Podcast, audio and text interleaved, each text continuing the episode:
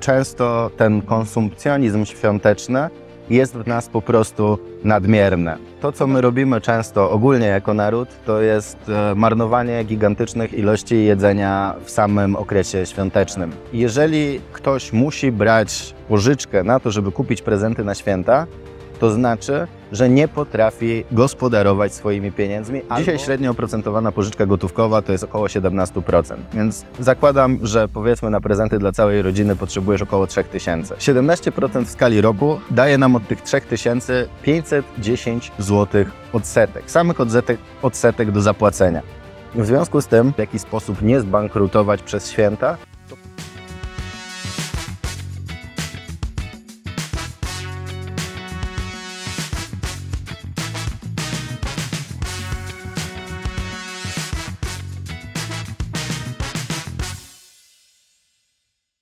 Dzień dobry, dzień dobry, cześć. Witam Cię bardzo serdecznie na kanale Sztuka Myślenia o Pieniądzach. Ja nazywam się Mateusz Warmus, a dzisiaj porozmawiamy sobie o tym, jak nie zbankrutować przez święta i dlaczego zwykle zabierasz się do tego za późno. Na początku wrzucimy sobie kilka ciekawostek o tym, jak w ogóle wyglądają święta Bożego Narodzenia tutaj na miejscu, jak to jest zorganizowane, czy podobnie do tego jak w Polsce, czy nie. I to będzie taki krótki wstęp do tego vloga. Natomiast później skupimy się już konkretnie na tym, co ty możesz zrobić, żeby najprawdopodobniej w przyszłym roku nie zostać znowu zaskoczonym przez święta. Problemem jest to, że zazwyczaj nie planujemy naszych finansów. Więc w agendzie, którą dzisiaj sobie tutaj przygotowałem, mamy następujące punkty. Tak jak wspomniałem na początek kilka ciekawostek o świętach Bożego Narodzenia w Wietnamie, Później przejdziemy sobie w drugiej kolejności przez temat świątecznego konsumpcjonizmu i takiej naszej starej polskiej tradycji zastaw się, a postaw się i rozbijemy sobie kilka mitów na jej temat. W następnej kolejności wymienimy sobie kilka błędów. Pierwszy z nich to na przykład kupowanie prezentów na ostatni moment, a drugi to brak przygotowania do tych świąt przez cały rok. To znaczy my co roku wiemy, że te święta będą i co roku tak jak zima zaskakuje drogowców, tak samo święta Bożego Narodzenia zaskakują nasze portfele.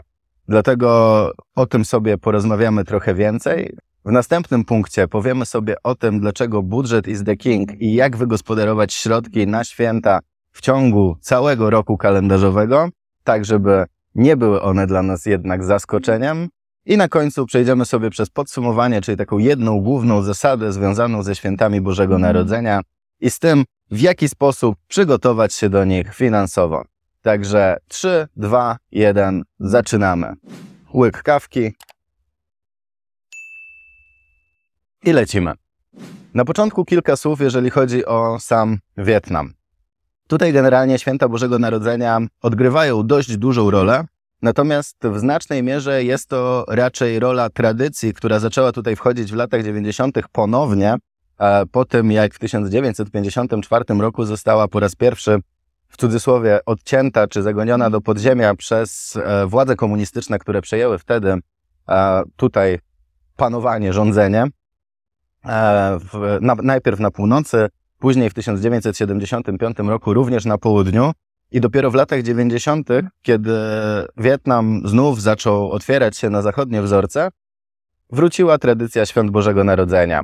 Ja Wam tutaj pokażę kilka kadrów, zobaczycie sobie, jak wyglądają ozdoby świąteczne, jak wyglądają sklepy w tym szczególnym okresie tutaj. Jest to bardzo podobne e, do tego, co dzieje się u nas w Polsce.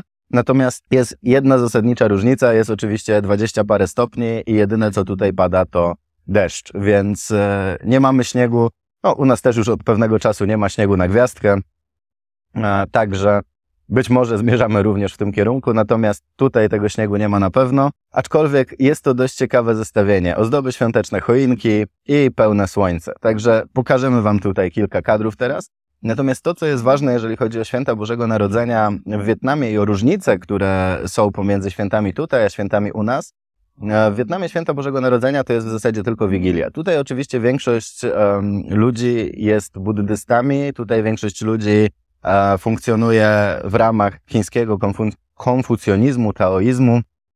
W związku z tym e, mniejszość katolicka to około 9% populacji. I co jest bardzo ważne, jeżeli chodzi o mm, całe przygotowanie do świąt Bożego Narodzenia, to to, że tutaj święta Bożego Narodzenia obchodzą w zasadzie wszyscy, natomiast e, duża część ludzi świętuje je po prostu z tytułu tradycji, z tytułu tego, że e, od pewnego czasu jest to święto promowane pod wymienianie prezentów, pod ofiarowanie sobie pewnych rzeczy, a nastawienie e, ludzi tutaj, szczególnie w Danang, jest też e, bardzo ciekawe, jeżeli chodzi o podejście do życia. Tutaj święta to tylko Wigilia. 25 e, grudnia większość studentów, większość uczniów ma egzaminy, na które musi zdążyć, a wszyscy pozostali normalnie pracują. Nie ma ustawowych dni wolnych, jest po prostu tradycja wymieniania pewnych podarunków. Natomiast, e, co jest ciekawe, e, Last Christmas, tak samo jak w Polsce, da się usłyszeć praktycznie wszędzie.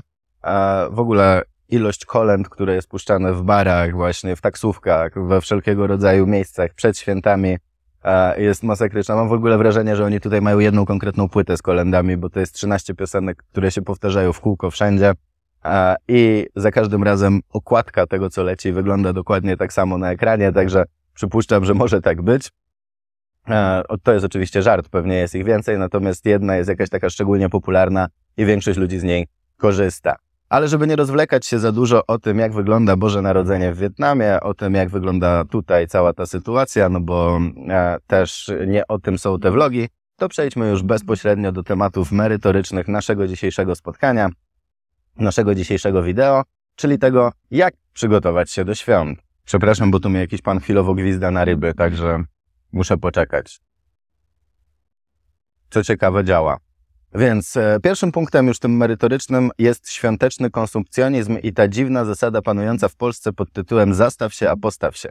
I teraz to, co z mojej perspektywy jest ważne, to to, że my nie powinniśmy aż tak bardzo jednak ulegać pewnym zbiorowym efektom e, tego owczego pędu i pewnym błędom poznawczym.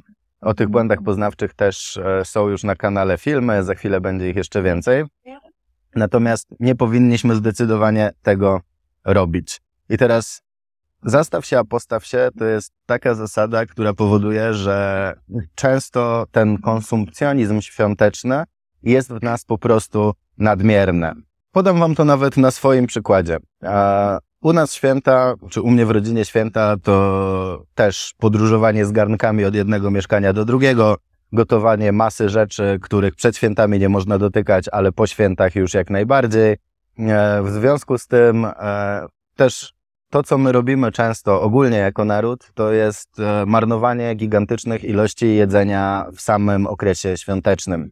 I to jest pierwsze miejsce, gdzie możesz szukać drobnych oszczędności.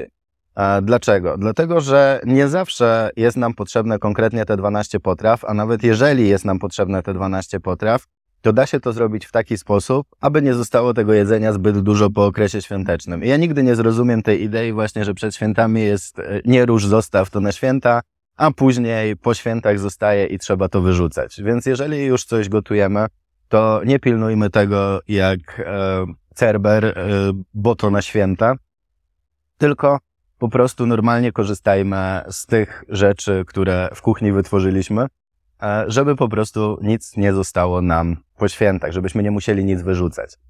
Kolejny przejaw takiego konsumpcjonizmu, zastaw się, a postaw się, to jest wielkość prezentów i cena tych prezentów. Jeżeli masz taki problem, że wydaje ci się, że musisz na te prezenty wydać nie wiadomo ile pieniędzy, bo inaczej ludzie nie będą z tych prezentów zadowoleni, to w pierwszej kolejności ja bym zwrócił uwagę na trochę inną rzecz. To znaczy, zacząłbym się zastanawiać, czy nie lepiej byłoby na przykład dać coś od siebie, czyli zrobić jakiś prezent, niekoniecznie kupić go. W drugiej kolejności czy aby na pewno cena jest wyznacznikiem jakości prezentu? Tutaj możemy sobie ustalić taką bardzo prostą zasadę w rodzinie i teoretycznie nie powinno to być jakoś wybitnie trudne, że kupujemy prezenty do określonej kwoty. I tutaj na przykład ustalamy sobie tam do 100 zł czy do 200 zł i wtedy nie ma problemu, że jeden dał drugiemu prezent, który jest droższy, drugi dał pierwszemu prezent, który jest tańszy i wszyscy próbują wycelować jakoś ceną mniej więcej, żeby się to wszystko zgadzało. Naj, najlepiej umówić się po prostu wcześniej albo samemu założyć sobie, ile maksymalnie przeznaczamy na prezent dla danej osoby i starać się w tym budżecie znaleźć coś takiego, co na pewno tę osobę ucieszy. Bo oczywiście wszyscy lubimy dawać, wszyscy lubimy, no, może nie wszyscy, ale spora część z nas lubi dawać prezenty, lubi sprawiać radość innym, natomiast ta radość niekoniecznie musi zależeć od ceny. Więc to jest taka druga bardzo ważna rzecz, jeżeli chodzi o świąteczny konsumpcjonizm. Trzecia ważna rzecz to są ozdóbki, pierdółki i tak zwane kurzołapacze, czyli wszelkiego rodzaju ozdoby świąteczne. Dwa protipy. Po pierwsze, nie musi cały dom w tych ozdobach świątecznych być. Nie trzeba co roku kupować nowej e, choinki, e, która jest żywa. E, oczywiście, jeżeli mamy taką tradycję, sprawia nam to jakąś tam przyjemność, radochę i satysfakcję, to jak najbardziej tą choinkę sobie możemy raz na rok kupić. Natomiast jeżeli widzimy, że brakuje nam jakichś ozdób świątecznych w okresie samych świąt, to dobrze by było zastanowić się nad tym, czy nie lepiej dokupić te osoby, ozdoby na przykład w styczniu, lutym, tak żeby na następny rok ich już nie brakło, ale w momencie, kiedy ich ceny będą tak naprawdę o połowę niższe niż były przed samymi świętami Bożego Narodzenia. Więc to, co tak naprawdę najlepiej sobie zrobić, jeżeli wychodzimy na zakupy przed świętami, żeby podejmować racjonalne decyzje i nie wydawać niepotrzebnie pieniędzy, to po prostu zrobić sobie konkretną listę zakupów tego, co musimy kupić, bo oczywiście wszelkie markety kuszą nas promocjami, kuszą nas e, robieniem klimatu świątecznego, zapachem grzańca, zapachem pierników itd., tak itd. Tak Natomiast e, to, co my możemy zrobić, to zrobić sobie konkretną to-do listę, to raz. Dwa, nie iść do sklepu głodnym, bo tutaj mamy badania psychologiczne, które udowadniają, że czym głodniejsi jesteśmy, kiedy idziemy do sklepu, tym większe są nasze zakupy tak de facto. Więc nie iść do sklepu na głodniaka. Taka pierdółka, a też zmienia percepcję i kierować się dokładnie tą shopping listą, tą listą zakupów, którą mamy zbudowaną, e, bez zwracania uwagi właśnie na jakieś świecące pierdółki, na jakieś gadżety, na tego typu rzeczy. I to jest kolejna rzecz, którą możemy zrobić, żeby temu świątecznemu konsumpcjonizmowi nie ulec.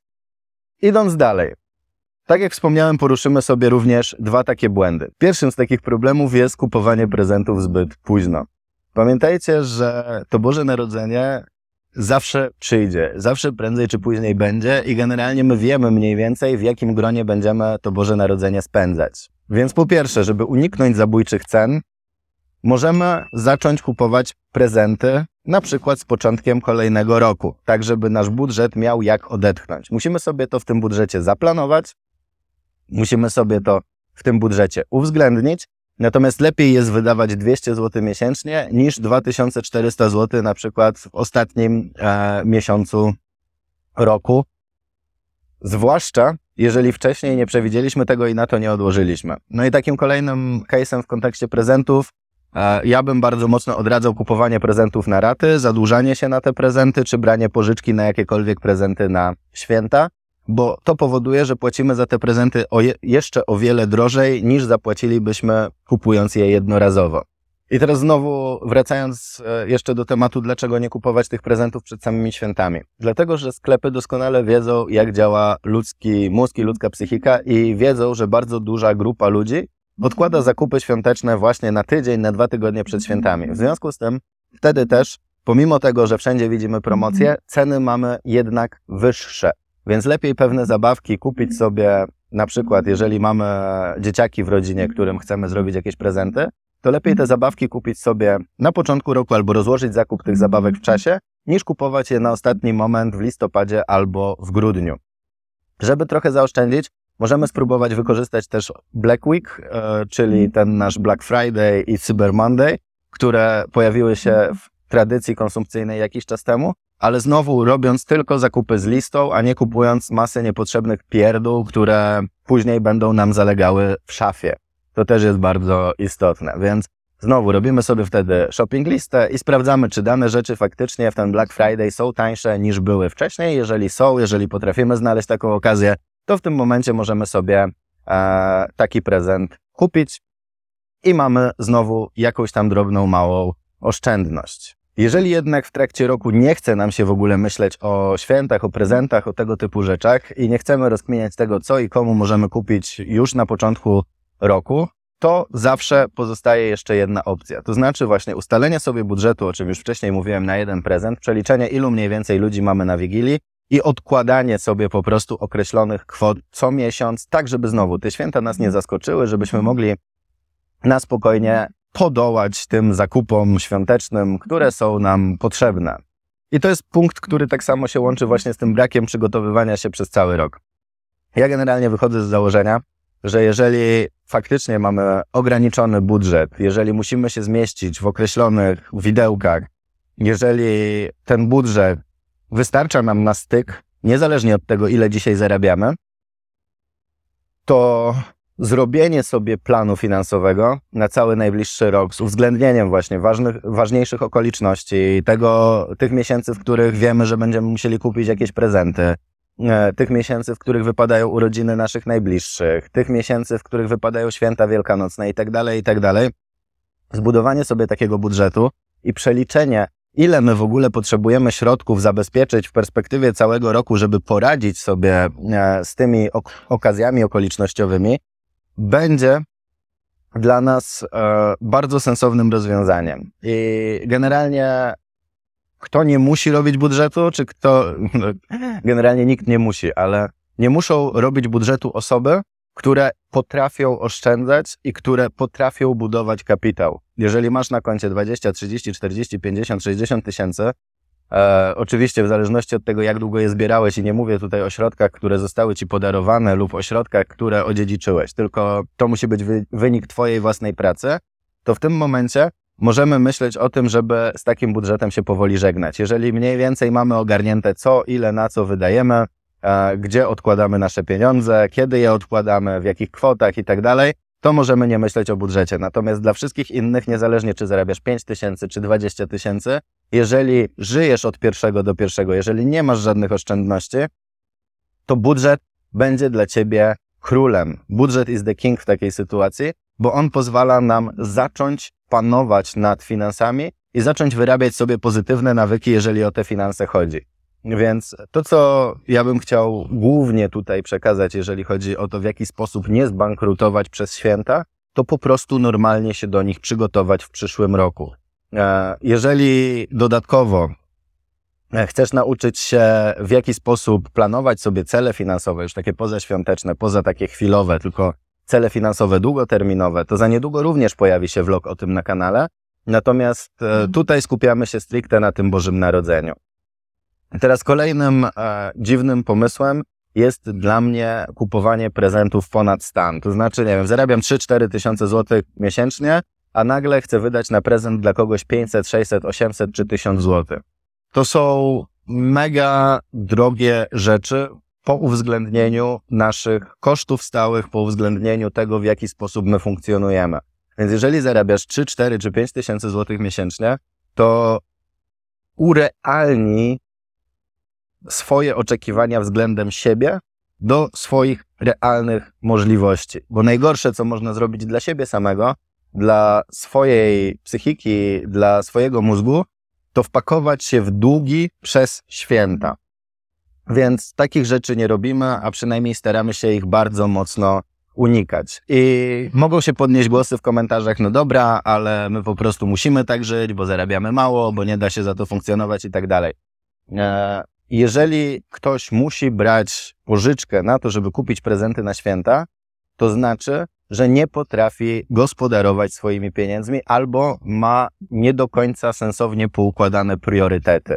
Bo teraz, jeżeli ty się zadłużasz na to, żeby zrobić komuś przyjemność, to tak naprawdę odbierasz sobie bardzo dużo możliwości, które mógłbyś wykorzystać w kontekście roku. Popatrz, Dzisiaj średnio oprocentowana pożyczka gotówkowa to jest około 17%, więc zakładam, że powiedzmy na prezenty dla całej rodziny potrzebujesz około 3000.